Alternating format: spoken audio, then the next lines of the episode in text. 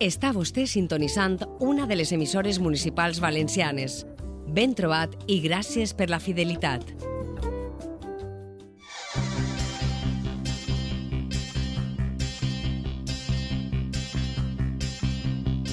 She came from Greece, she had a thirst for knowledge. She studied sculpture at St. Martin's College, that's where I. Han passat més de 15, 15 anys des de que vaig anar al meu primer concert d'Obrim Pas, a Elx. Ho recorde molt bé, Xavi ja no està, però des d'ací li donen les gràcies. Aquella adolescència meua que consistia en anar trenet amunt i trenet avall, de concert en concert, amb els pares i els amics que te venien a buscar en un cotxe i unes energies que jo no sé ben bé on es van quedar, però ja no estan. Una època preciosa, això sí, però amb un registre musical en la nostra llengua bastant limitat. En dèiem ska dolçainer. I si una cosa podem celebrar avui és la diversitat musical que ha esclatat en la nostra escena d'uns anys a esta part, que en la mateixa playlist puguem perrejar i després anar a plorar un racó, que puguem passar del pogo guitarrero a la rave i el tecno sense massa dificultats i que, encara que quede molt de camí en aquest aspecte, ja ens resulta raro i ranci quan el cartell d'un concert no posa les dones damunt de l'escenari. Ja és primavera a la Universitat d'Alacant, una primavera de sol, per fi esta setmana ha arribat, tota florete, sí, que diré en la Serra de Mariola, i també de música, que d'això en tenim avui a Mansalva. Primavera musical. I a Alacant celebrem els llibres, celebrem les cançons, celebrem que estos són els dos principals ingredients d'esta vida nostra, celebrem la festa sense prejudicis, siguem valentes, siguem trencaores, ballem tot tipus de música, cridem ben fort els poemes i que s'embrute l'ambient amb el rosecito d'aquest perreig que comença ara mateix. But she didn't.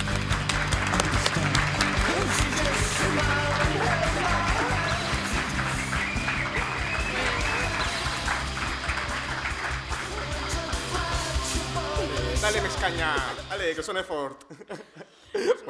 Hola, hola a tots, com esteu? Bona vespre, bona vespre. Com esteu, en Hola. Pariquim?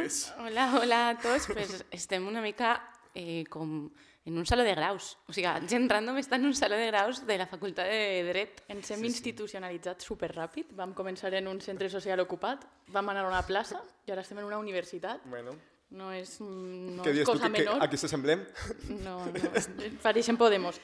Eh, ja bueno, estem. som unes xiques molt, som unes persones molt polivalents, ens adaptem a qualsevol espai i damunt esta pobra gent que porta així tres dies, de les 4 de la vesprà, Signant, aguantant eh, xapes, a que us donen el signant, curset. que us donen el curset. Ostres. Havíem intentat colar un poalple de birres, però no mos han No ens deixat. han deixat. No, jo no Eh. coneixia el context que estàveu, alguns esteu fent un curs per al Sí, Cefire. sí, sí. Perdoneu. Però per- bueno, farem el que podrem, intentarem animar un poc els ànims, portem un programa sabrosón i, i l'últim programa el vam fer en Xàtiva, pff, han passat anys, molts anys, han Més d'un passat mes. moltes coses, que diràs Telles, ha passat més d'un mes i moltes coses, una primavera que ens ha afectat a tots. I bueno, I res, estem així un poc, som el flying free de les jornades, no? perquè les estem tancant, estem així de matinets, només queden els més arreplegats. Mm, El milloret de cada casa, podeu treure les ulleres de sol ja, si voleu, d'ací no res punxa Viano, el tenim ahí però esperant. és el puesto on passen les millors coses, també t'ho he de La dir, eh? és que sí. Coses més interessants passen a certes hores. Passen en la rave. Som la rave de la primavera musical, què us pareix? Eh, Exacte. Sempre se'ns oblida, Sí. però voldríem que fer-nos una miqueta de publi. Bueno, eh, i també agrair a, Ah, sí, clar, al Servei de Llengües de la Universitat d'Alacant per contactar-nos. Va ser, han sigut els primers... Un mosquit. Comença la temporada. Perdó. Això no ens havia passat Bueno, mai. Eh? no, perquè... Bueno, gràcies, Servei de Llengües, Vau per comptar en primers, nosaltres vau quan, quan ningú, ningú no creia en nosaltres. Vau ser els primers a contactar-nos per Totalment. privat de Twitter sí. i a partir d'ahir A la setmana que ve anem a... A Gandia, a la plaça del Llibre, si algú està per ahí i vol passar-se. Correcte, a l'hora del vermut. I bueno, nosaltres ja ens ha presentat abans Marina, però som Lourdes, Quim i jo mateixa, en part, i, i ja està. I avui està si Jordi Chicoy als mandos, un agraïment també per ahir, que Sí, sense moltes ell gràcies. no estaríem sonant. I el que deia abans del mosquit, eh, que ens fem una miqueta de publi, per qui no ens seguís, que eh, ens podeu trobar a xarxes. A Instagram som arroba gentrando, no, som, Som gent random. som gent random No i, a, i a ja. Twitter arroba gentrandom. Exacte. I jo no vull enrotllar-me massa perquè avui tenim el temps un poc limitat, però no voldria començar sense agrair als nostres fans de Castelló, perquè no ho sapigueu, jo he vist per ahí, jo em vi la fa més, a Costa de Castelló, i esta setmana una xica va vindre mentre dinava en un restaurant de Vilarreal i me va dir «Hola, eres Kim? És que sóc molt fan teu». I jo me vaig sentir superimportant. Maria de Benicarló, des d'ací t'envio un abraç molt fort a tu i a ta mare. Ostres. Bueno, sí, em puc confirmar que molt d'oyentat de gent random està ubicat a Castelló, no el- sabem per què. Tot el món que la setmana passada en el concert d'acció cultural a la plaça de Bus de Castelló me va dir coses, Irene que mentre entrava un policlín me deia «Eh!» Des d'aquí vos enviem abraços a tots vosaltres i, i si vos sembla comencem, no? Gràcies per pujar sí. molt l'autoestima i dale. Una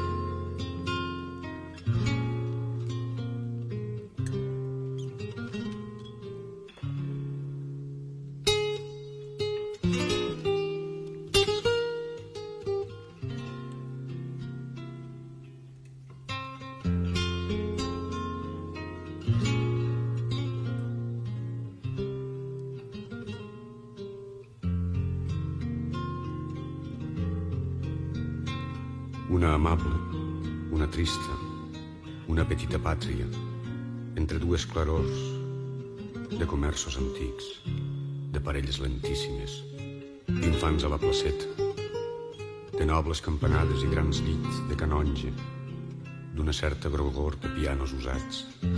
Mentrestant, la humitat amera l'empedrat. Hi ha fulles de lletuga espargides per terra. La conca entre les cames, el rosari en família, suposo que haureu reconegut ja la veu més greu dels països catalans. Efectivament, això que sona de fons és Ovidi Montllor i més concretament el començament del doble LP titulat Ovidi Montllor diu Coral romput de Vicent Andrés Estellers. I ara és quan vos dic benvolgut públic, benvolgut oyentat, Quim, en part, és mentida, no farem un podcast. És tot mentira. Heu vingut a una listening party de Coral romput, traieu els mocadors, anem a estar escoltant-lo durant l'hora i mitja que dura el disc. era el gancho. Era tot mentida. M'encantaria, eh, per això. A mi també fliparia. Eh, jo, bueno, jo m'he queixat incontables vegades en este programa i fora de micros dels tòpics, de l'autoreferencialitat, de repetir sempre els mateixos referents i efectivament avui parlaré de Vicent Andrés Estellers i d'Ovidi Montllor, a qui ningú mai ha citat en la música en Que en valencià. aquestes jornades ningú encara els ha Ningú anomenat. els coneix, veritat. Name Morricone Duo. Podeu aplaudir, sí. Sembla, sembla que hi ha una llei no escrita que diu que tot grupet de música en València que vulga estar al cartell del Fes Lloc ha de fer un mínim de tres referències a Estellers i dues a Ovidi Montllor. En València no tenim més poetes que el de Burjassot, no tenim més poemes que els amants, i mentre que vosaltres dos veniu així avui a fer de profes guais, a parlar de reggaeton, a parlar de trap i no sé què, jo vinc a fer de profe de valencià canònica, a portar la flexió verbal d'Enric Valor i a parlar d'Ovidi Montllor i de Vicent Andrés Estellers. Jo he de, recon- he de confessar-vos una cosa. Jo ara, mm, en un rato me faré el modernet, el profe guai, parlaré de trap, no sé què, però a mi això no m'agrada. jo si tinc que triar me quedo també amb los clàssics, soc un ranci, un antic, No, però a veure, ranci i antic, Estellers i Ovidi no són rancis però jo, jo em queda a mis coses. Per tant, Es pot gràcies. em- combinar tot. Tot té cabuda. Eh, conyes a banda, si en aquest programa que tracta sobre música i literatura he decidit parlar de Coral Romput, d'Ovidi i d'Estellers és perquè, un, crec que mai està de sobre reivindicar-los, i dos, és l'excusa que necessitava per a parlar de cançons tristes. I tres, perquè vull trencar una llança en favor d'ells, perquè crec que, que ja han esdevingut icones de la cultura pop valenciana i la rebuda que va tindre el tuit anunciant que parlarien de Coral. Romput m'ho confirma. Crec Sí. que és el tuit amb més likes de la història de... De gent he de dir- random. He un de tuit en dir- plan... Eh, L'autorefer- L'autoreferencialitat funciona. funciona. Sí. Mos han canviat les boletes d'Instagram. Crec que, va ser, crec que va ser tota la militància del blog ens va posar like, però bueno, Bueno, bueno però- més compromís, no? Bueno, no dic. Dame santa. Són ico la ico iconeus pop. Icones pop. Així que, bueno, eh, vinc a reivindicar la meravella que és Coral Romput, però per, que jo em pensava, també de dir que venia a parlar d'una cosa super underground, que no coneixia ningú, però ja m'han dit que en aquestes jornades han parlat com 15 vegades de Coral Romput, així que la número 16, així estic jo. Però, bueno, per contextualitzar una miqueta, per qui no ho conega, Eh, Vicent Andrés Estellers naix a Burjassot el 1924 i Ovidi Mollor, Montllor Mengual naix al Coll en el 42. I ells dos conformen una d'eixes simbiosis prodigioses que ocorren poques vegades a la vida i, a, i ho hem d'agrair. I en 1979 s'uneixen a Toti Soler i enregistren aquest LP. Eh, Coral romput en realitat és el tercer dels llibres que componen La clau que obri tots els pans, una trilogia que va escriure eh, Estellers durant la segona meitat dels anys 50 i es publica en el 71. I l'escriu més o menys quan escriu el llibre de Meravelles. I com arriba això a ser un LP? Doncs clar, eh, ens hem de situar en el moviment de la nova cançó els cantadors són superstars, ja Ovidi el fitxa una discogràfica, ojo, multinacional. Uh -huh. o sigui, poca broma, en la música, música en València com a etiqueta en aquest moment. Es deia Ariola i bueno, a finals dels 70 en realitat este moviment ja està un poquet de capa caiguda, però per contracte la discogràfica li deu un disc a l'Ovidi i este va i es diu, mira, jo vull fer un doble LP recitant un poema d'Estelles. I aquells es caguen en tot, però no massa convençuts es diu, pa que calle. Bueno, mira, teniu 48 hores i un estudi, a veure què feu i eh, tot i Soler, Ovidi i Estellers eh, s'ajunten i graven això. No va ser cap èxit de vendes, eh, de fet crec que és un... Jo penso, tinc quasi en el guió, de fet crec que és un disc que queda prou oblidat. Que no està ni en Spotify. Ja, no està. Bueno, eh, bueno. Tinc que... Xata tampoc, eh? Ja, ja, però vull per dir... Per qüestions igual més ideològiques, però... Pero que cal anar a buscarlo ahí en aquellos CDs piratas que tienes grabados de años, ¿sabes? Del emule que te vais, ¿sabes? De ahí, tienes que anar a buscarlo. Hòstia, jo quan tenia emule no coneixia Coral Romput, eh? Però bueno. Eh, res, es va arribar a fer en directe, però no hi ha gravacions de, dels directes i la veritat és que a mi em sembla una llàstima.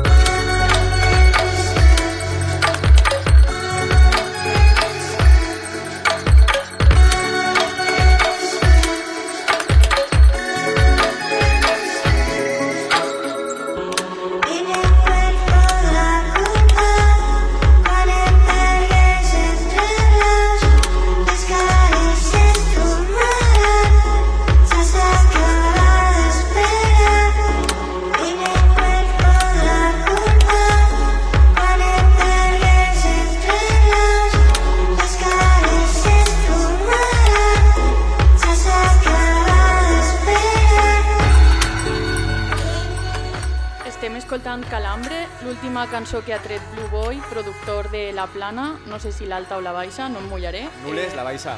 Ah, és de Nules? Estem 100% segurs d'això. Eh, jo em declaro totalment addicta a aquesta cançó i pense que, encara que no s'ha sentit sencera, parla d'algunes de les mateixes coses que, que Estellers parla a Coral Romput. Però de què parla realment Coral Romput? Com que jo no parle del que no sé, he convidat a pujar una persona que, que sí que ens pot eh, ajudar una miqueta i és Irene Mira. Ella és doctora en Filologia Catalana, membre del Casal Popular Tio Cuc i experta en estelles. Un aplaudiment per a ella, per favor. Moltes gràcies, Irene. Moltes gràcies a vosaltres. Pues això de què parla Coral Romput? Coral Romput, potser la pregunta seria més fàcil si em digueres de què no parla Coral Romput, perquè Coral Romput és un poemari extens, perquè jo crec que no és un poema, mm? jo quasi que li donaria entitat de poemari, i és una peça mm, molt especial en l'obra d'Estellers perquè fins al moment no, ell no havia escrit un, una composició tan llarga. Penseu que és una composició que té 1.261 versos. Poca broma, eh? Poca broma. Quan Ovidi fa la recitació, perquè tampoc no la música, és, mm. és, és una recitació, és hora i mitja. Sí, sí. Tens a un home hora i mitja pegant la turra. A priori no és un bon plan, però després... És boníssim pla. Clar. Com este programa. És això, que t'enganxa, t'enganxa i no te'l pots llevar. I jo crec que no te'l pots llevar el coral perquè, perquè connecta una sèrie de temes que interpel·len a tota ànima humana que vaig circulant pel món. Jo, quan em vau fer la pregunta, vaig pensar i dir, ostres, què és el coral romput, de què parla? Per a mi el coral romput és una espècie de retorn a casa. De retorn a casa en el sentit que juga amb els contrastos. Quan tornes a casa tens ganes de tornar, però alhora hi ha alguna cosa que dius la realitat pica, no? Uh -huh. I, I crec que, que el coral va un poc en, en aquesta direcció, perquè és eh, eixa tornada, però és alhora l'enyor d'això que no està passant, no? És, va en els dos sentits. És l'alegria, és el goig, allò que diu, jo només busco en tu l'alegria de viure, uh -huh. però també és una nostàlgia, és una nostàlgia per un futur difícil i per un present que jo diria gairebé insuportable, en, en el sentit eh, més existencial pot ser. Uh -huh. És l'amor i és la mort, és l'amor conjugal, és l'amor jovial, és l'amor feliç, però és la mort també perquè, com tu explicaves, Lourdes Adés, el coral s'escriu en l'any 57 aproximadament, que és quan fa un any que a Esteller se li va morir la xiqueta uh -huh. que tenia 3 mesos d'edat. I això reverbera al llarg de, de tots els versos. Uh -huh. Aleshores van anant i tornant l'amor i la mort com a oposats i com a complementaris. I jo crec que també el coral és l'aïllament d'un jo poètic. Jo sempre que penso en el coral me l'imagine allà assegut el que explicava a, de, a Despa o a la Batjos, no? assegut a sa casa en el despatx a fosques de nit teclejant, però alhora és també la connexió, és la connexió en aquesta realitat de postguerra, perquè el coral està farcit de referències a totes les qüestions històriques i socials i culturals que passaven en aquests moments. Aleshores, és un contrapès constant, és un poquet així i un poquet allà, tot el temps. I jo crec que per això és tan addictiu, uh mhm. -huh. perquè et fa patir però et reconforta, et fa patir i et reconforta i vas anant i tornant tot el temps. Un poco relación tóxica, ¿eh? Pero... Sí. Yo me declaro... en general és... És, és una relació tòxica, no? Ho diu una persona que ha fet el doctorat en Estellers. Sí, jo quan sí, estava d'Erasmus i estava molt trist allà en Bretanya, en Terres del Nord, em posava el coral romput per a tornar a casa. Veus? Sí, i per arreglarme en la mierda totalmente. O sea... És que, clar, ens agrada. I, I tu per què penses que Estellers i Ovidi casen tan bé? Doncs jo crec que casen bé per diversos motius. Jo no els vaig conèixer a cap dels dos. Per desgràcia, però... per desgràcia, però crec que hi ha com una força en els dos personatges, o com a mínim en, en la imatge que projecten dels dos personatges, que connecten molt bé. Connecten bé, en, potser en el sentit més humà, i jo diria que també connecten bé en el sentit estètic o en el sentit literari, perquè eren dos bèsties, dos bèsties de la creació, Totalment. Estellers en el sentit de la pena i la nostàlgia, però també té una potència vitalista molt, molt forta i crec que això connecta bé en, en Ovidi en, i en, i en aquesta pulsió de vida que, que els dos emanen. I després em fa l'efecte que comparteixen un posicionament ètic o una postura ètico-política d'estar de, en, el, en el context dels països catalans que ells van compartir. No? Es troben mm. en el 79, doncs, tota l'època, els anys 70-80, de fet, això és una anècdota per a fardar de poble i tal. I tant, endavant. Quan, quan Ovidi va saber que Estellers havia mort, estava en el meu poble, estava en Castalla, estava fent un recital. I allà es veu, allí se li, li cau un tros de l'ànima mm. quan sap que Estellers ha faltat. I, i aquesta connexió, a banda de ser estètica o, i, i, o estètico-política, crec que també és una connexió personal, vital, i entre tot plegat crec que fa una cosa que també heu apuntat al principi i és que són dos autors moderns. Molt.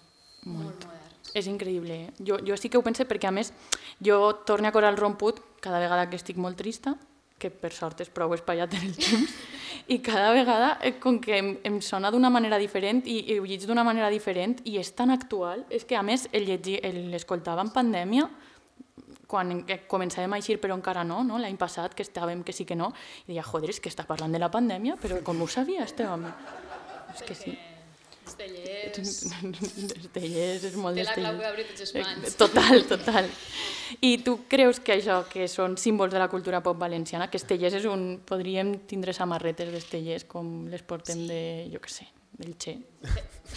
bueno. Estellers, el Che valencià, bé, m'apanya. Hi ha, hi ha una, un vers d'Estellers que hi ha um, a tasses de Mr. Wonderful, allò de ja arribarà un dia que no podrem... En castellà, i en, en castellà. Llegarà un dia que no podrem o sigui, no sé què. No només sí, icona sí. pop valenciana, sinó també, bueno, espanyola. Guala, t'imagines? No sé si estarà cobrant drets d'autor la família o cosa per aquesta tassa, però... Uf. Bueno. Sí, sí. No ho sé, no sé si icona pop en el sentit més estricte, però el que sí que és segur és que Estellers és una icona de la cultura de masses en els països catalans, indiscutiblement, igual que Ovidi, uh -huh. igual que Ovidi. I, I és que és un cas extraordinari, és, és una icona perquè a banda de la qualitat i de la força de la seva poesia, és que justament ahir en la conferència de Josep Vicent Fritxina ho explicava, és que és un fet eh, inaudit en la cultura catalana de tantes musicacions i tantes referències. Per tant, sí, és una icona i, i és una icona que crec que hem de reivindicar i ja que estic aprofite, enguany és l'any fuster, però el 2024 és el centenari d'Estellers. Uh, se vienen Se vienen- cositas. Recogemos se viene ese guante. bueno, doncs moltes gràcies, eh, Irene, ens has il·lustrat i ens has il·luminat com un far. Així que moltes gràcies. Un aplaudiment, per favor. Gràcies a vosaltres.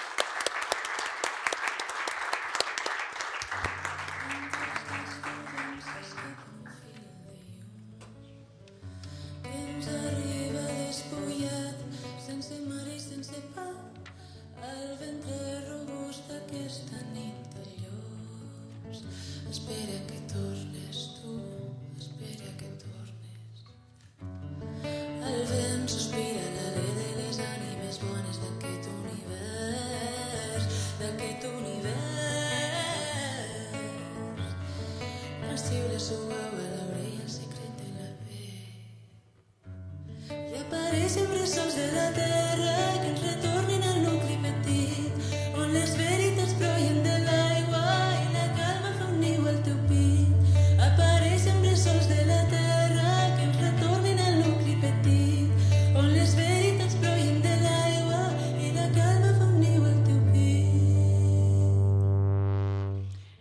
sonant Sandra Montfort amb una cançó que es diu Migrem, eh, que no té enregistrada en el CD. Jo la vaig descobrir per un vídeo que té d'Instagram i entrava al vídeo d'Instagram com si es- com escoltant-la de manera compulsiva perquè no sé escoltar cançons d'una altra manera. I això és d'una gravació que van fer en directe l'any passat a Territori Sonor.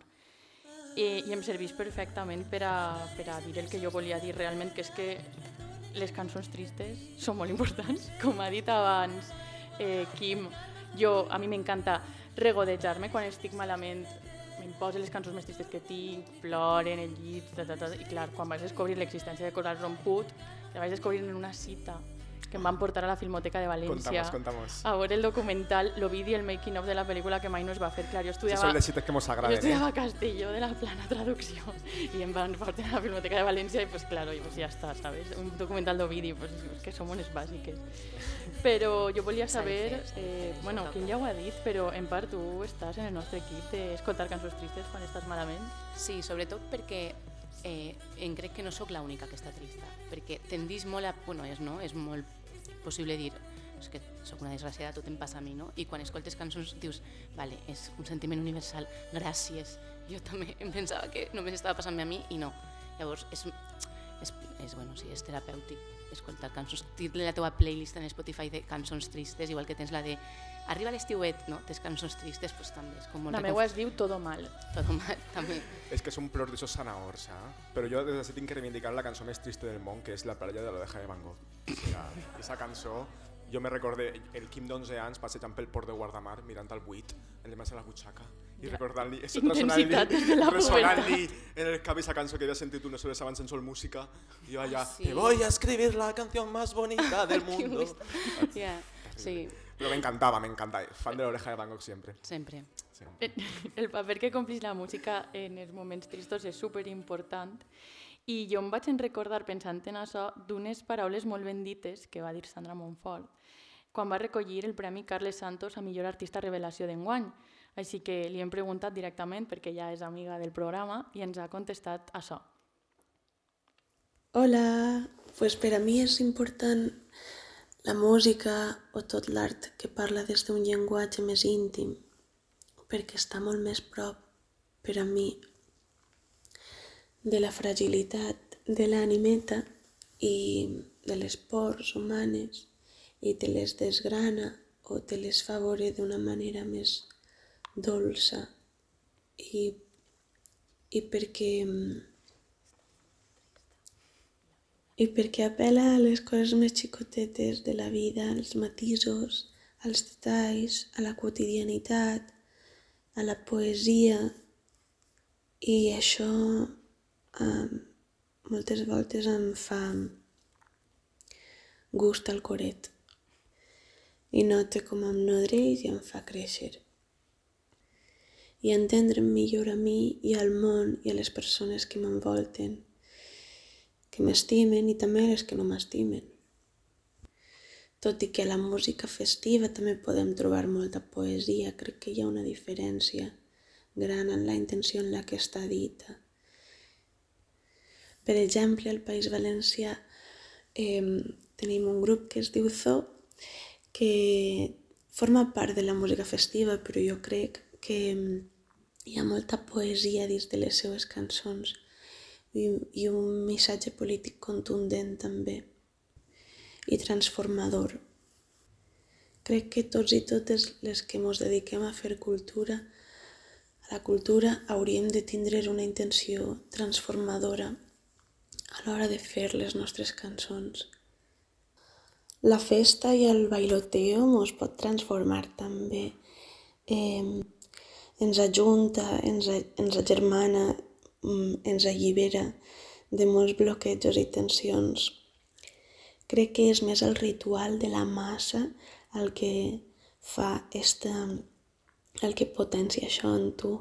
En canvi, quan te sentes a un teatre i absorbixes tot el que estàs mirant, eh, quan te sentes a una butaca i estàs veient un concert o una obra de teatre o el que siga, eh, et cala des d'un lloc més directe, eh, més direccionat. És la pròpia obra que entra dins del teu cos i et diu coses, com si fos un rayo làser que t'apunta directe al pit. I moltes voltes te'n vas a, a casa i encara no has entès què ha passat i vas poc a poc, eh, durant tota la setmana se te va ressonant aquella obra de teatre o aquelles paraules que s'han dit, van, van vibrant dins de tu i van clic, clic, clic, clic, clic, canviant les pessetes de lloc hasta que dius, ostres, ostres, val, estic entenent moltes coses ara. Inclús a voltes va ressonant durant tota la teua vida. I això és molt bonico. Moltes gràcies, Sandra. Eh, M'ha encantat. Per favor, queda't aquí amb qui te parle com ella, eh? Que dolceta que és. T'ha abraçat, Un este àudio saludo. ens ha abraçat. Es- escalfa el cor. Sandra. Totalment, m'encantes. Simplement, per acabar de tancar la meva part, volia compartir només dues reflexions. Tot i que cal trobar i reivindicar nous referents que, que han quedat oblidats i relegats als marges, això no ens ha de fer caure en el cinisme de rebutjar figures importantíssimes com Ovidi i Estelles. I que jodes, que no podeu estar cansats d'algú que ha escrit tremendos versos com els de Coral Romput, és que és impossible. I en segon lloc, que la música no està només per acompanyar-nos en moments de festa i comboi, sinó que també ens guareix quan estem una miqueta més baixetes, que és important apostar per grups i artistes que apel·len a la intimitat i també que aprenguem a ser públic de concerts que no només inciten al desenfreno, sinó que també a altres maneres de viure la cultura.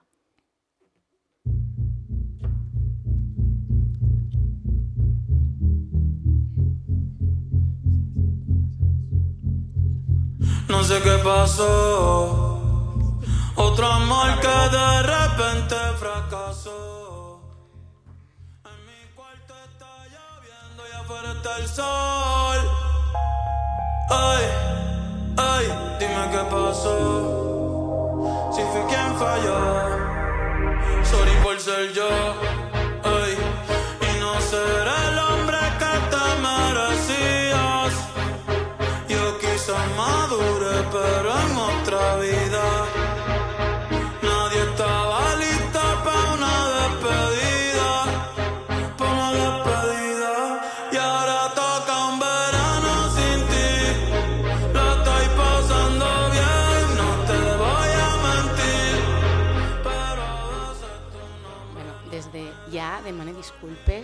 Tots els que ens esteu escoltant perquè eh, estàvem parlant d'Estelles i d'Ovidi i ara anem a parlar de Bad Bunny.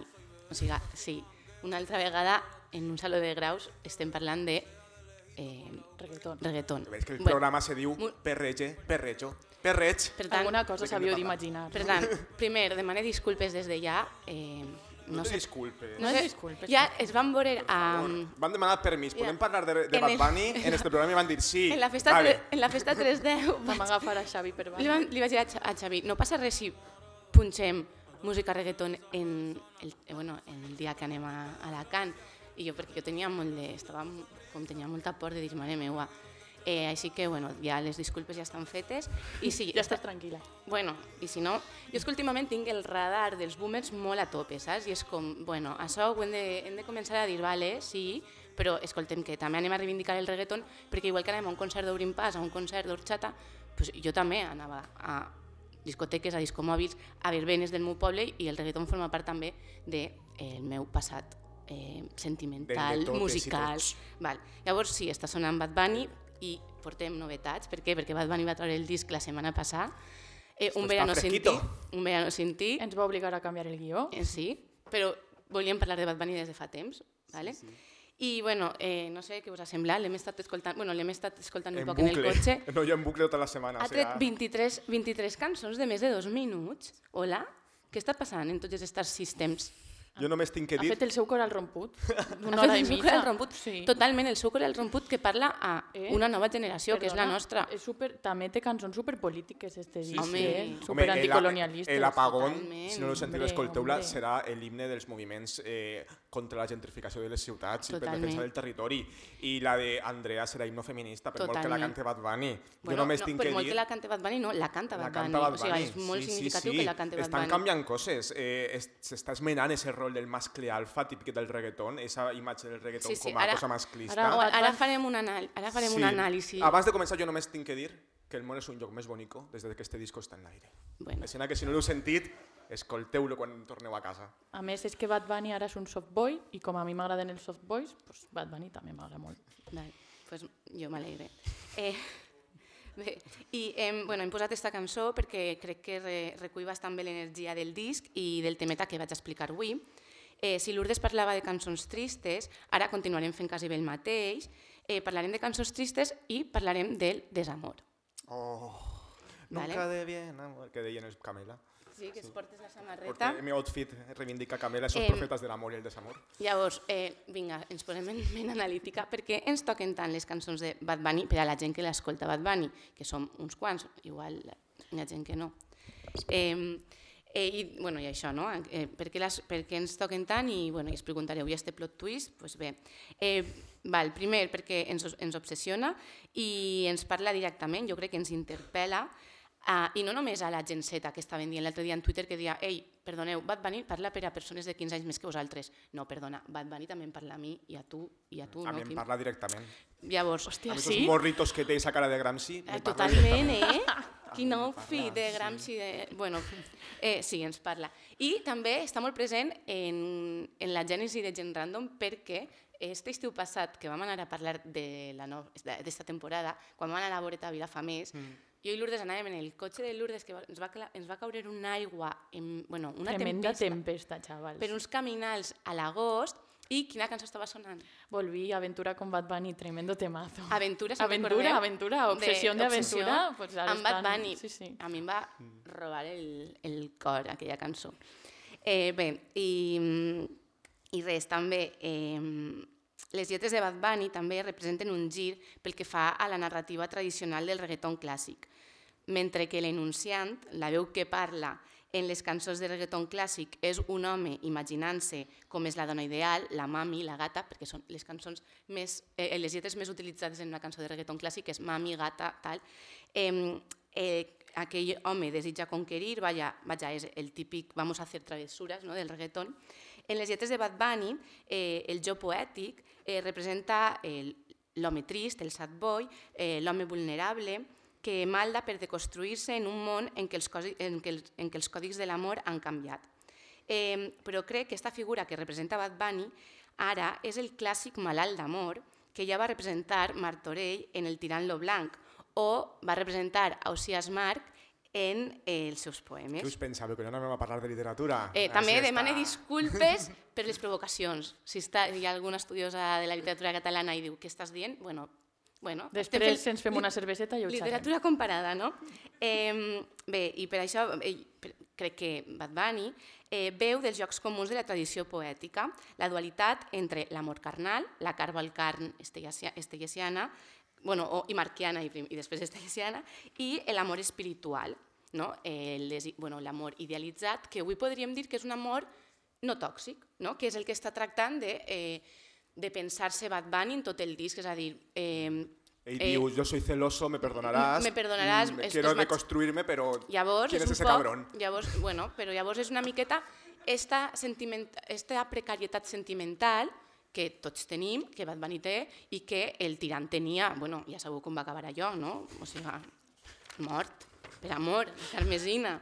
Bé, eh, i, i per això, eh, eh, bé, això ja em, em perdonaré un altre cop, estic tot el rato demanant Però no disculpes. demanes tantes ja, ja, ja. disculpes. És que estic en el saló de graus de la facultat. Bueno, eso imposa, pero, Sí. pero nosaltres Imposa. podem tot, som Però tu, todoterrenos. però tu mates mosquits en directe, o sigui... Clar, tu pensa que després d'això ja Mos han regalat unes tasses que diu oh, oh foll d'amor, que Sí. me lligue molt Per amb tant- Bad Bunny i amb el tirant. Eh, per tant, això, jo crec que els pares eh, literaris que feien eh, l'art del perreig millor que Bad Bunny i que qualsevol altre cantant de reggaeton són eh, Martorell, és Ausias Marc, eh, i els hauríem de trobar en l'antiga Corona d'Aragó, en casa nostra. T'imagines eh? que en la tableta de nit de Bad Bunny està el tirant i estan els poemes d'Ausias Marc, en plan lectures pendents, saps? Lectures pendents. O, no, o el, el revisa de en quan per inspirarse. Eh, té el Cervantes, tal, no sé què, tots ahí, sí, sí, veus? Seria... Bé. top, O sea, m'encantaria. Per tant, eh, i això, per això jo, jo dic que eh, és que heu llegit els, els, els episodis amorosos del, del Tirant lo Blanc? A veure, A veure, si n'hi ha molt de filocat, segur per que això, seran llegit. o sigui, jo me l'he llegit eh, fa poc perquè és, eh, forma part del currículum del primer de batxillerat i és el hentai de la nostra literatura, no? és el sexe literari català, tal com va dir la mateixíssima Laura Borràs, abans quan es dedicava a fer literatura, bueno, o crítica literària, en el pròleg de l'edició que jo m'he llegit. No? És que, clar, eh, tot el món criticant a Rosalia per fer una cançó explícita sexualment, però eh, no t'has llegit mai a, Ostres. la literatura catalana del segle No, II, no, has llegit, a- no has llegit a Martorell? O sea, no sé. Si tú supieras qué me pasa cada vez que te veo. You know, baby, come on, man. Quisiera confesarte lo que siento y no me atrevo. Entiendo lo que te digo ahora, man. Y la emoción me domina cada vez que te veo. Te veo cerca y a la misma vez te siento tan lejos.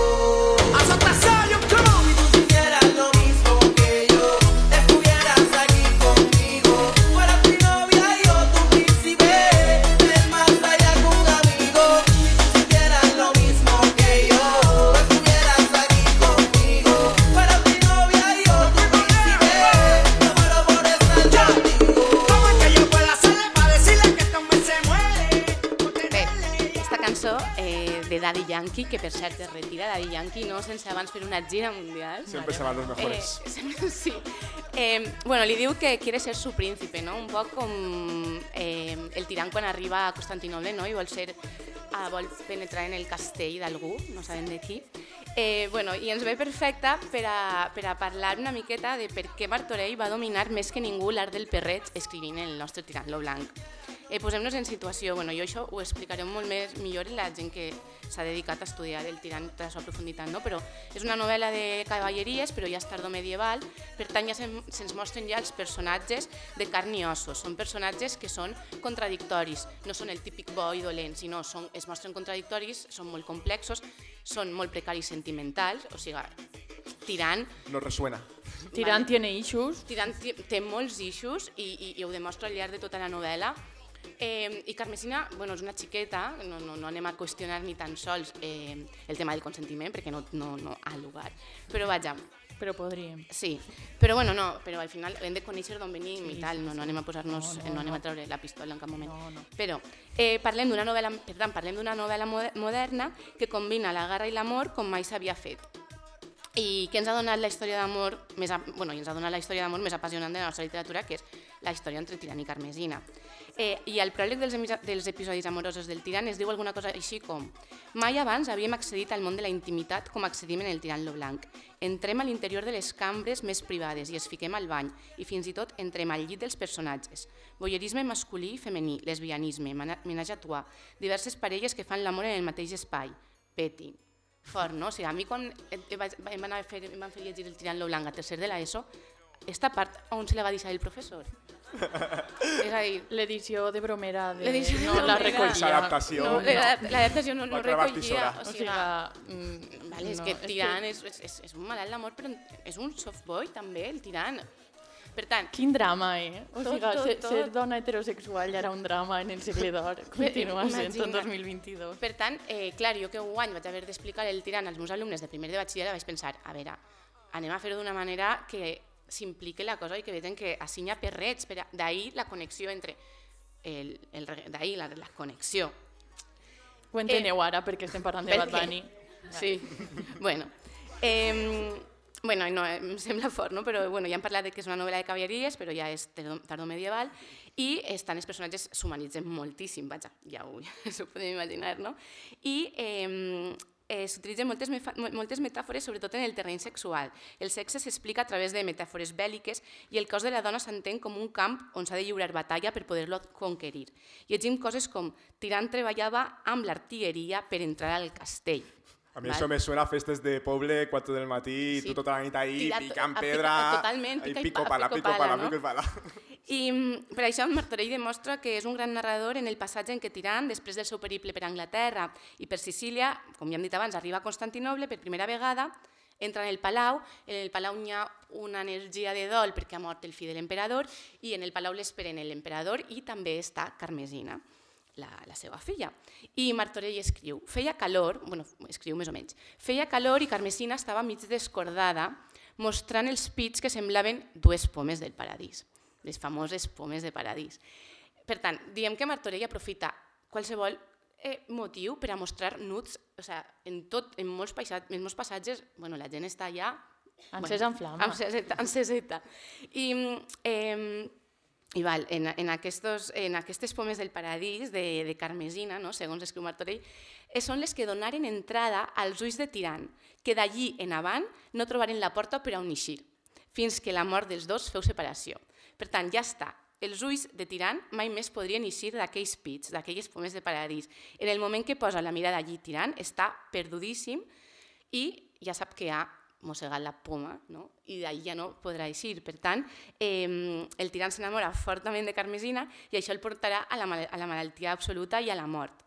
Eh, I, per exemple, si Tirant demana consells al seu cosí, no? de quan jo ame, estic fotut, estic superperdut, vaig a morir-me, eh, eh, Bad Bunny que diu mañana voy a terapia, pero hoy toca voy pel teteo. És veritat. Per tant, Tremenda frase. per tant- si tinguera més anys me la posaria en l'estado. O sigui, Per tant, vull dir que connexions les trobem, si volem, les podem trobar, perquè crec que eh, al final tots els productes culturals, musicals, molts acudixen al, al que hem dit, no? a la dualitat entre aquest, aquest amor carnal i aquest, que és, això és molt vell no? i que és un motor que funciona en la literatura i en qualsevol manifestació cultural perquè al final són clàssics. No? I, mm, I res, eh, més música.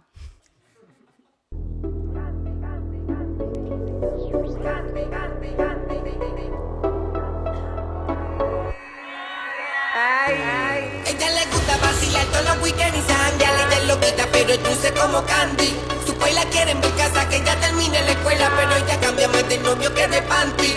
Ella le gusta vacilar todos los weekends y sanguear Ella es loquita pero es dulce como candy. Su la quiere en mi casa que ella termine la escuela Pero ella cambia más de novio que de panty nasty, aunque sea fancy Se pone cranky si lo hago romantic Le gusta el sexo en exceso Y en el proceso me pide un beso eh, estic, estem posant tots els temes clàssics de reggaeton que segur que tots hem escoltat. I, No mentiu, no digueu que no, perquè I, sí. I bueno, els estem posant, si us fixeu, sobretot per les lletres, no? De eh, yo quiero ser tu príncipe, eh, a ella le gusta el sexo en exceso, però de me pide un beso. I això per què ho diem? No? Perquè mm, al final les lletres de, del reggaeton i crec que coincideixen moltíssim com a artefacte eh, eh, en el mateix, des del mateix punt de vista en què s'han construït les, les novel·les, no? i és, eh, en, que és, jo crec que són com dos punts, no? que és una sexualitat construïda per la ment d'un home i per tant el desig que ha mediat en la societat ha estat fabricat des d'ahir, no? és a dir, eh, pues Carmesina en els, era la seva pell pàl·lida, els seus, que, i crec que sempre és un home el que crea este desig i en les cançons de reggaeton passa el mateix, no? tu t'imagines a com vols que siga la teva, com vols que siga la dona, l'objecte de, desitjant, no? I, per una, altre, per una altra banda, que crec que també combina molt bé, és que el poder d'un home s'assoleix quan es conquereix eh, el cos d'una dona. No? I per això crec que mm, no està, no és tan desen- desencadellat eh, fer aquestes comparatives que hem estat fent. Eh, per què? Hola, Empar, soc la Júlia Mèrida, moltes gràcies per convidar-me a Gent Random, em fa molta il·lusió.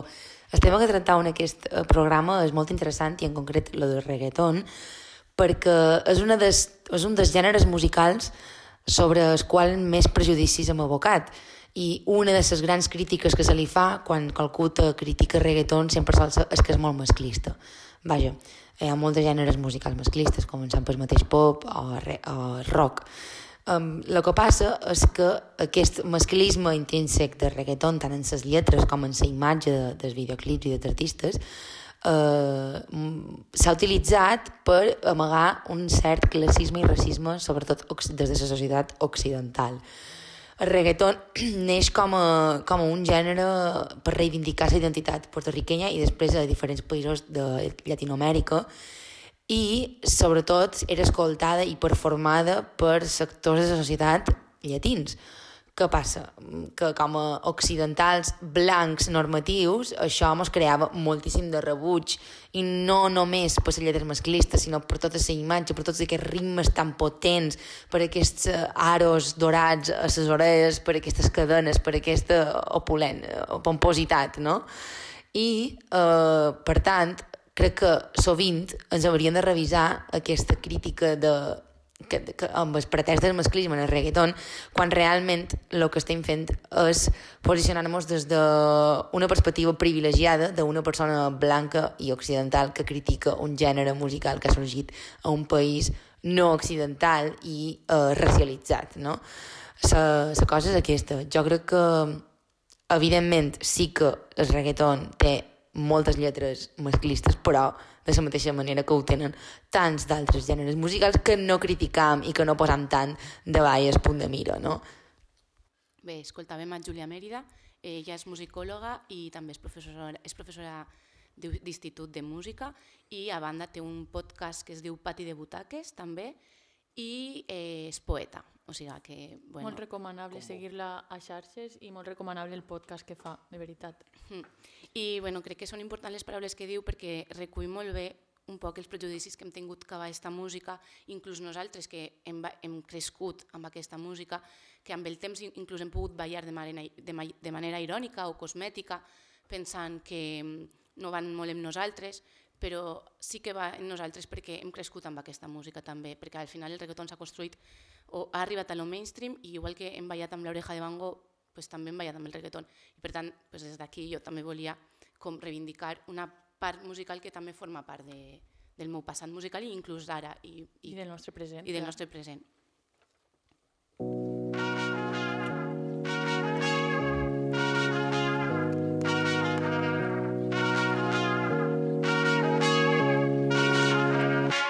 Hace mucho tiempo le hago caso al corazón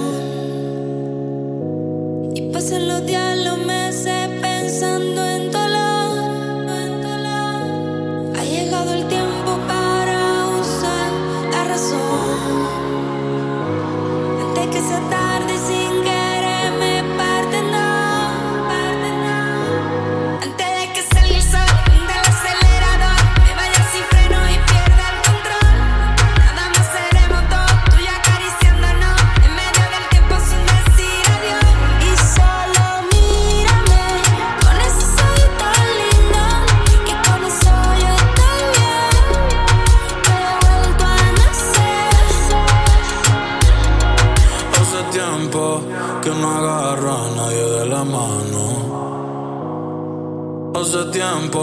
que no envío buenos días, te amo. Pero tú me tienes enredado, me envolví, iba por mi camino y me perdí. Mi mirada cambió cuando tú sopí.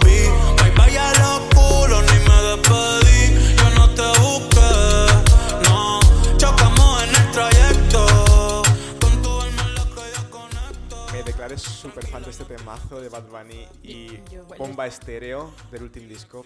És Jo no pare de sentir-lo, crec que és el que més bucle, m'agrada. bucle. superbonica. Bomba Estéreo que fa reggaeton, però resignificant-lo, vull dir que és això també, És que este, companys, este, és Bad això. Bunny, este Bad Bunny té un punt més de Gramsci que de, que de Daddy Yankee. trebata. Tu, Bueno, justifica, tu justifica't com vulguis, estàs escoltant reggaeton. Quan la gent del Servei de Llengües ens va convidar a este programa, l'opció fàcil haguera sigut la que ha fet Lourdes. Eh, perdona, perdona, o siga...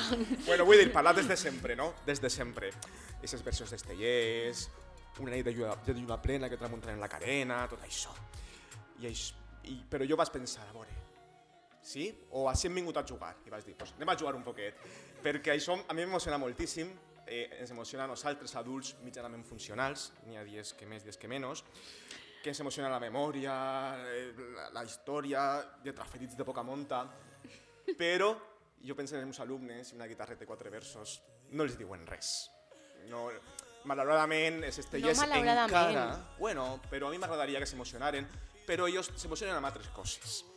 Eh, llavors, per això opcions com la que has fet tu en part, de vincular el segle d'or amb un referent actual, me pareix super interessant i super excitant. Però tampoc aniré per així. Eh, el que faré, ara, disclaimer, me posaré un poquet boomer, me posaré... Mare al anem a tirar-te soc. anem a tirar-te del Vaig podcast. a parlar, que a parlar, és, eres vaig a parlar d'esta música que escolten els meus alumnes i que nosaltres no entenem massa bé. Bueno, és que no tu, massa eso bé per tu, tu. o sigui, és que claro. Bueno, el que jo faré serà preguntar-me, esta música, parla de la música trap, es fa en València? Ser de calle és el mateix que ser de carrer? No ser, de, ser de calle, ser de poble.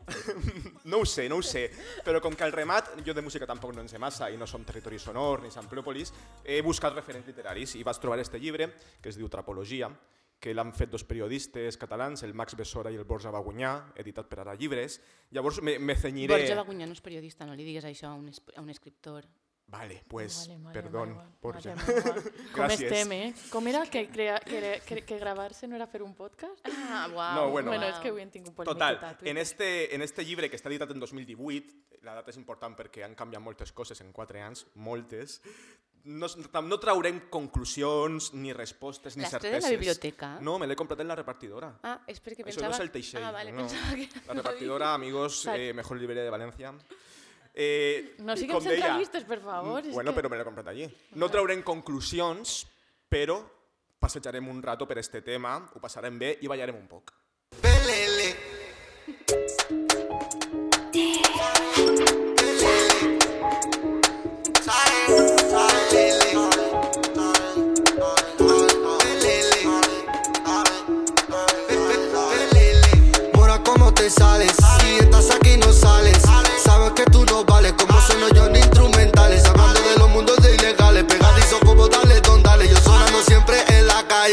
40 principales Cuatro guitarristas 17 que tiene orquesta Para hacer un tema que no suena ni en la fiesta Yo hago mi escritura fumando uno El Coniseu. Sona el Morat. Esta gent del Sefire, mare meva, no us donarà el curs. Havia sonat el Morat alguna volta en el saló de graus de la Facultat de Dret de la Universitat d'Alacant? Bueno, Estic patint per En el meu institut sona cada dia perquè és ídol d'adolescents, orgullosos de ser de calle, o almenys disposats a aparentar-ho. Autor que en només un parell d'anys ha passat dels blocs Florida, on vivia un poc d'aquella manera, a ser un dels autors amb més visualitzacions en YouTube, més de 40 milions de visualitzacions d'este vídeo, eh, a petar sales arreu d'Europa. Eh, Igual la gent que no té xarxes socials eh, ho pot veure també... Clar, és que no té discos. No, però, No, este però que el va entrevistar en Ah, el, Jordi Évole. Jordi Évole, exacte, sí. el va entrevistar fa poc. Molta gent pot se sentir per primera volta part d'esta persona que ara està a punt d'entrar en presó per delictes que va cometre abans de, de ser cantant. Vull dir, penya que ve de barris xungos. Primer artista d'origen magrebí en triomfar en la música, en l'escena musical espanyola, que també ens ha de fer veure el, el racisme que ha impregnat i encara impregna este, este, este, este món. I en este llibre no se parla d'ell, perquè com dic és un llibre de 2018, el Morat en 2018 a saber què estava fent, però no existia com a, com a músic. I també és una mostra dels temps accelerats que vivim i uns temps dels quals el trap és un bon exemple. Ja vos deia abans que no sé si, no sé si traurem cap conclusió d'esta xarreta, eh, que a mi la música trap no me la fic en casa, ni en el cotxe, ni, no, però m'interessa molt com a fenomen. Eh, este, els autors d'este llibre, el Max i el Borja, fan un poc el mateix, perquè ells són uns quarantons mm, que no han sentit mai parlar d'este món i que de repente els encarreguen fer este llibre. I ells, ah, pues vale, se fiquen les botes i se'n van a, a veure des de la mirada condescendent de l'adult que està fent aquesta joventut, d'acord? Llavors, l'estil barreja un poc la crònica gonzo periodística, infiltrant-se en concerts de traperos, eh, com que són escriptors també conjuguen el gènere literari, inventant-se escenes per representar temes de, que, de la música trap, per exemple, n'hi ha eh, un capítol que representa que és un debat entre dos profes de català, que debaten si eh, el slang, este dialecte que s'inventen en el trap, eh, perjudica el català o no. Bueno, no Que pareix bueno. una cosa molt allunyada de la realitat. La estos debates se que tenen, podria se ser tenen. un debat. O sigui. Estos dos son uns enfants terribles, un poco, son un poco canallitas els autors, almenys desprenen esa, esa, esa essència i, i bueno, pues, parlen ells i jo farem un poc el que s'ha fet sempre, que és vindre des de des, del el, des de la universitat, o sigui, vindre a la universitat a parlar de, des del nostre privilegi de lo que n'hi ha fora, de lo que no som, d'acord? De lo que s'ha fet sempre, però almenys anem a reconèixer-lo i qui vulgui aprofundir, que llisca Ernesto Castro o veja les entrevistes No, no, no, que no, té no, no, no, estàs, no, YouTube. estàs, no estàs recomanant Ernesto Castro en el nostre podcast. perquè és la persona que des de l'acadèmia està fent un anàlisi d'este fent un anàlisi d'este Mm, món, d'acord? Llavors, ara sonaré una música que igual vos sone. Estos primers acords potser els coneixeu? Fet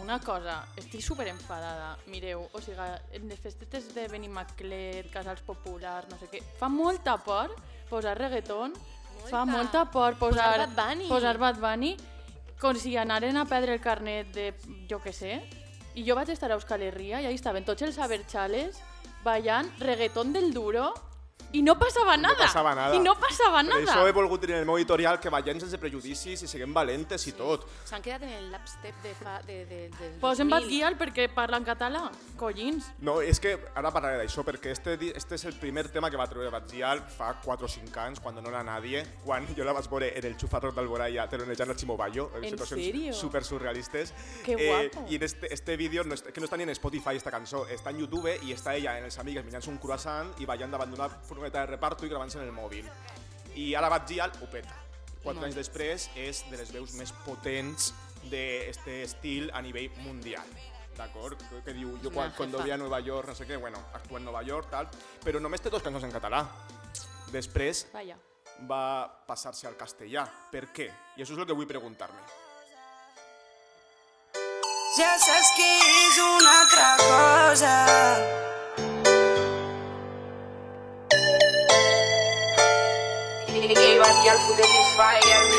Després del dia següent, penso que he perdut el temps.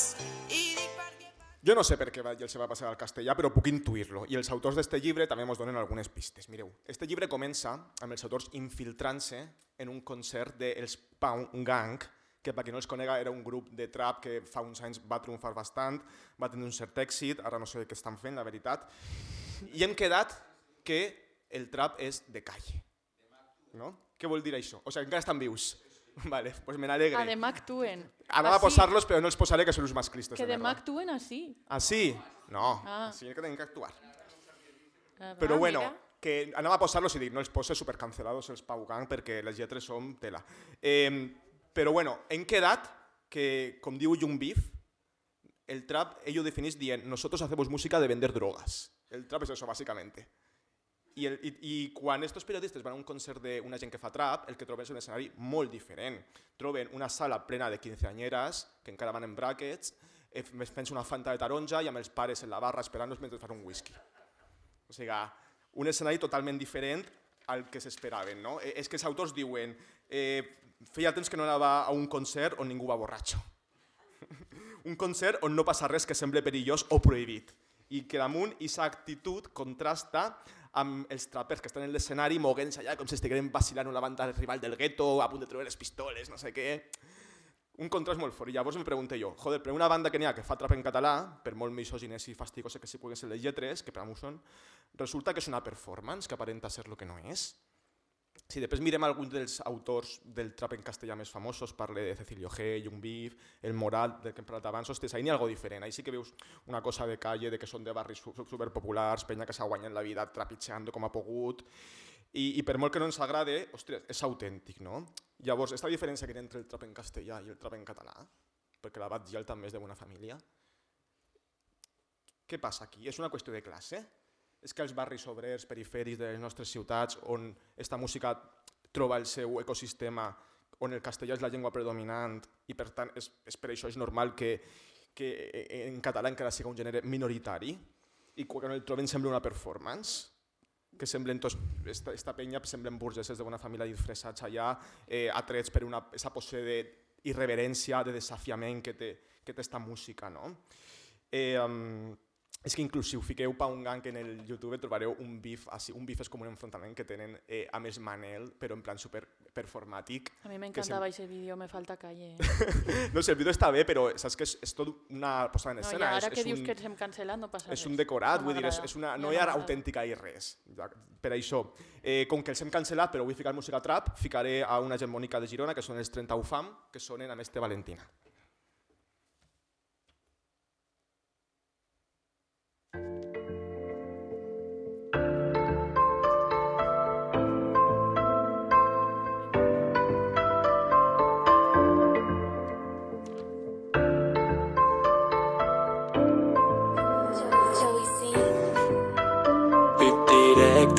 Quan entrem a la festa. Sala plena, anem mig torts, però el cubata ja no ens ve Em posa tendre la gent que parla i només treu fum. Que t'estimen quan estàs a baix, no quan estàs amunt. Un, dos, estic molt fresc. Un perdó dels teus a mi no em serveix. Qui trenca un cor vol dir que no se'l mereix. Avui brindo per la meva gent i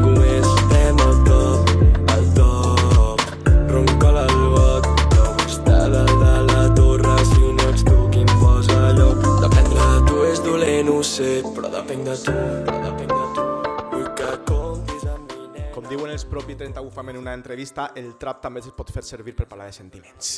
I és veritat que jo per a fer este programa m'he documentat una playlist que de la Juliana Canet que es diu Música per a quan sóc una trapera catalanota que hi és veritat que tot el trap que n'hi ha super pastelós. Ojo al, al perfil de Spotify de Juliana Canet, és una mina, eh? És una Té- mina té de- de moltes, temazos. eh, Sí, sí, sí. Juliana Canet sempre far de gent random, eh? No, dir, també, també. Totalment. Eh, que, que m'encanta que siga llena de pasteroset, no? Ah, Podria dir-me que mos, mos falta calle però mos sobren sentiments, no? Mai sobren sentiments, per favor, reivindiquem la Sobretot quan ho comparem amb el trap este de les faveles, que vos he dit antes, on hi ha molta agressivitat, una violència molt present a les cançons, no? I un dels temes més habituals d'aquest estil, ja us sabreu, són els diners. Els diners estan superpresents. N'hi ha una cosa aspiracional de fer-se ric, no sé què, eh, vivim temps on l'individualisme és la norma i el trap és un reflexe d'això. Encara que siguin humils, que vinguen de barris humils, no hi ha res de revolucionari o transformador. Més ben una cosa bastant capitalista, en el sentit de que s'accepten les normes del joc eh, i s'accepta ser el millor eh, en lo teu per a, sense discogràfiques de permits, triomfar. D'acord? O eh, s'accepten les normes però no els mitjans. És a dir, se vol arribar a l'èxit, la fama tal, però no a través de la feina, el sacrifici, la legalitat, l'esforç, no. Per això el tema de la droga, dels trapis, tal. Però jo pense molt, estàs dient ahir barris perifèrics, no sé què, jo pense molt en un poble de la Ribera, en un poble de la Safor, també com de gent de classe baixa que, que parlen mogolló valencià, i per què no fan trap? O Ja, sea, no vull dir, no ho sé, saps? Que dir, Però joder, i- pues si aquest perfil és el que tenim als re- nostres pobles clar, també, I relacionar saps? lo aspiracional com algo dolent, jo tampoc heu... ho, No és ho algo faria dolent, així, però és molt individualista. Bueno, bueno, jo- I és una aspiració de cotxes, mansiones i oro. No. El que No. Jo eh, crec que en el concepte aspiracional hauria d'anar molt en compte. O sigui, crec que en, es tracta molt a la lleugera, Mm. però bueno. En tot cas, per sort sempre hi ha excepcions, així prop tenim una, m'haguera agradat que vinguera avui, però és Jazz Woman, no sé si la coneixeu, que acaba de treure un discasso que es diu Atlantis, i si bé no podem catalogar-la ben bé com una trapera, perquè el disc n'hi ha molts estils, sense dubte n'hi ha una influència. Vaig a posar-vos un tema ara on participa el Botifarra, ara parlarem del Botifarra també, aquí és que toquem tot, que se declare, se declare eh, orgullosa de ser nascuda a la terra, criada a l'horta, de família obrera i treballadora. Dale ansiedat.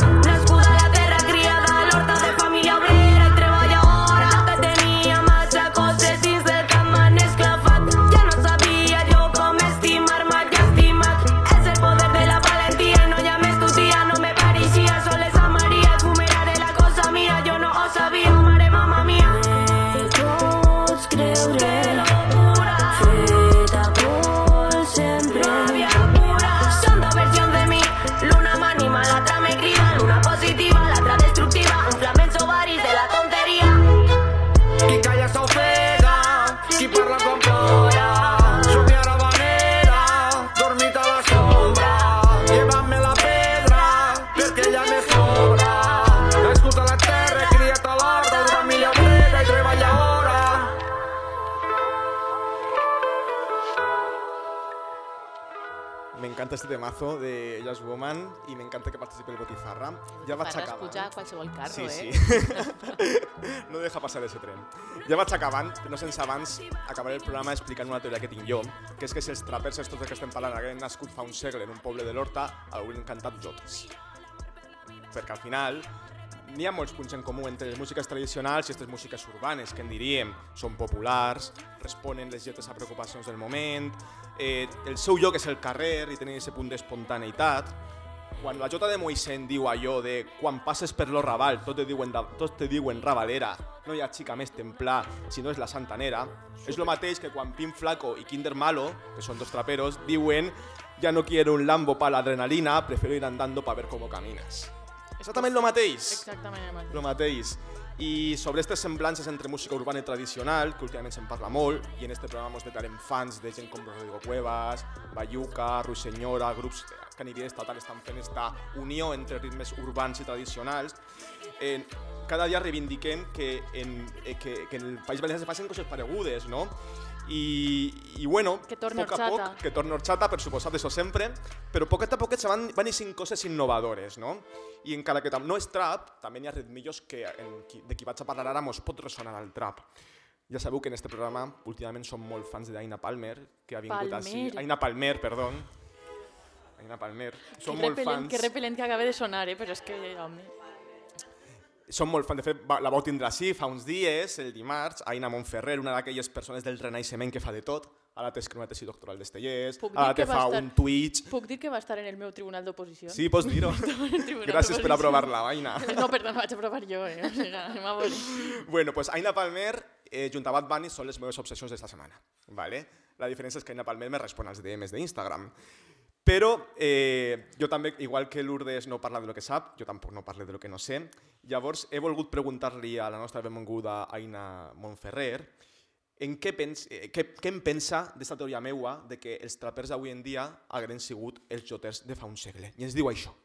Hola, gent random. A la pregunta de si els joters i les joteres de fa un segle serien els rapers raperes actuals o trapers, eh, la resposta és que sí i que no. Que sí en el sentit que en els dos casos es tracta de música popular, que es fa eh, sense tindre en compte la formació musical clàssica i després també perquè, perquè en els dos casos s'utilitza la llengua vulgar i es fan referències escatològiques especialment a, a elements sexuals. I després també en els dos casos són músiques que prototípicament reforcen, reforcen els estereotips culturals d'una tradició, el masclisme, el racisme, però sempre es poden subvertir, tant les jotes com el trap o el hip-hop, i pot subvertir-se i utilitzar-se per- a fer proclames eh, igualitàries, antiracistes, feministes. També en els dos casos la producció és una producció low-fi, una producció amb pocs recursos. Eh, Les músiques urbanes eh, ho solucionen mitjançant recursos electrònics i, i la Jota ho solucionava mitjançant doncs,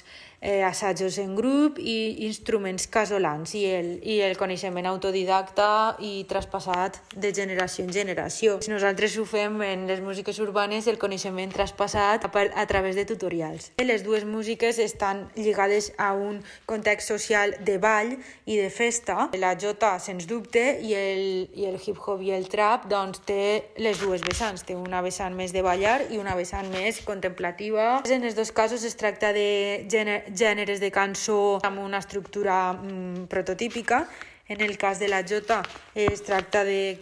es fa servir un compàs de 3x4 i, i apareixen guitarrons, castanyetes i la veu i la veu sense tractar i les estrofes són curtes i repetitives amb variacions. En el cas de les músiques urbanes s'utilitzen samples, s'utilitza un beat i aquests samples i aquests beats van repetint-se en forma de loop, afegint i llevant elements. Després, quant a l'autoria, eh, les jotes són anònimes i estan lligades normalment a un poble, la jota de Borriana, la jota de, de Montcà, i després, eh, en, en canvi, l'autoria de, les, de les músiques urbanes és una autoria reconeguda, no lligada normalment a un poble en concret, tot i que depenent de la variació lingüística de qui cante, doncs es pot identificar d'on prové la música, l'autoria i també doncs, apareixen topònims, noms de carrers, noms de barris. Tant en les jotes com en la música urbana trobem interaccions. En el cas de les jotes, les interaccions es troben en- d'una jota en una altra entre pobles, no? normalment relacions de, de competitivitat entre pobles i també, inclús dins d'una mateixa jota, diàlegs de, de seducció entre eh, un home i una dona i també és coneguda la relació epistolar o la interacció en les músiques urbanes eh, amb el que es coneix com a beef o persones que, o artistes que agafen un element d'una cançó anterior i el repliquen per a fer una mena de crítica que tenen una difusió diferent. En el cas de la Jota, fa 100 anys, doncs, la, difus la difusió era molt més local i comarcal i en canvi doncs, eh, les músiques urbanes tenen una difusió global. Gràcies a internet i sí que és veritat que dins de les músiques urbanes trobem eh, influències de músiques populars com podria ser la jota però d'una altra part del món. El cas més paradigmàtic és el del reggaeton que és Fe, es podríem fer a la idea que és com si la jota s'haguera convertit en la música internacional ballable, ballable per excel·lència. La jota està feta amb instruments casolans i les músiques urbanes amb, amb instruments electrònics, però sempre podem trobar un punt de solapament i aleshores eh, trobem, per exemple, el que, el que anomenem post-folk electrònic, podria ser una jota electrònica que ja es feia fa anys amb horchata, o els, els grups de post-folk electrònic ibèrics actuals que fan aquest tipus de combinacions, una sevillana electrònica, eh, una jota electrònica, mm, cants, eh, cants d'estil electrònics, i s'està teixint en aquest sentit un panorama molt bonic que fusiona eh, els joters de fa un segle amb els trapers d'avui en dia. Salut! Ai, quin cabet. Això, aplaudiu, aplaudiu Aina. Quin cabet més privilegiat que té. Ojalà tindré cada dia idees així tan suggerents com les que ella ens exposa i ojalà la Jota fora música mundial ballada en Puerto Rico. Ojalà, seguirem treballant en ello. Des d'ací jo només puc animar a la gent amb inquietuds musical a que seguís explorant aquests camins, que lliguen la música d'arrel amb la modernor. I dins d'això tocarà anar despedint-se ja, que és tard, tenim fam, Esta gent voldrà anar-se'n a dormir. anar-se'n. Esperem que vos, aquestes jornades vos faciliten els punts que vos donarà el curs del Cefire o el que siga Sí. i Que vos no sé. agradat el programa. Mentre ens despedim, es, començarà a sonar la meva cançó preferida esta setmana, ara anirà pujant a poquet a poquet, que és Més que un club d'Aina Palmer, i en aquesta cançó ens anirem despedint, no sense antes agrair moltes coses a molta gent. En primer lloc a Jordi Chicoi, que està allà als comandaments, al fondo, un aplauso para él, por favor.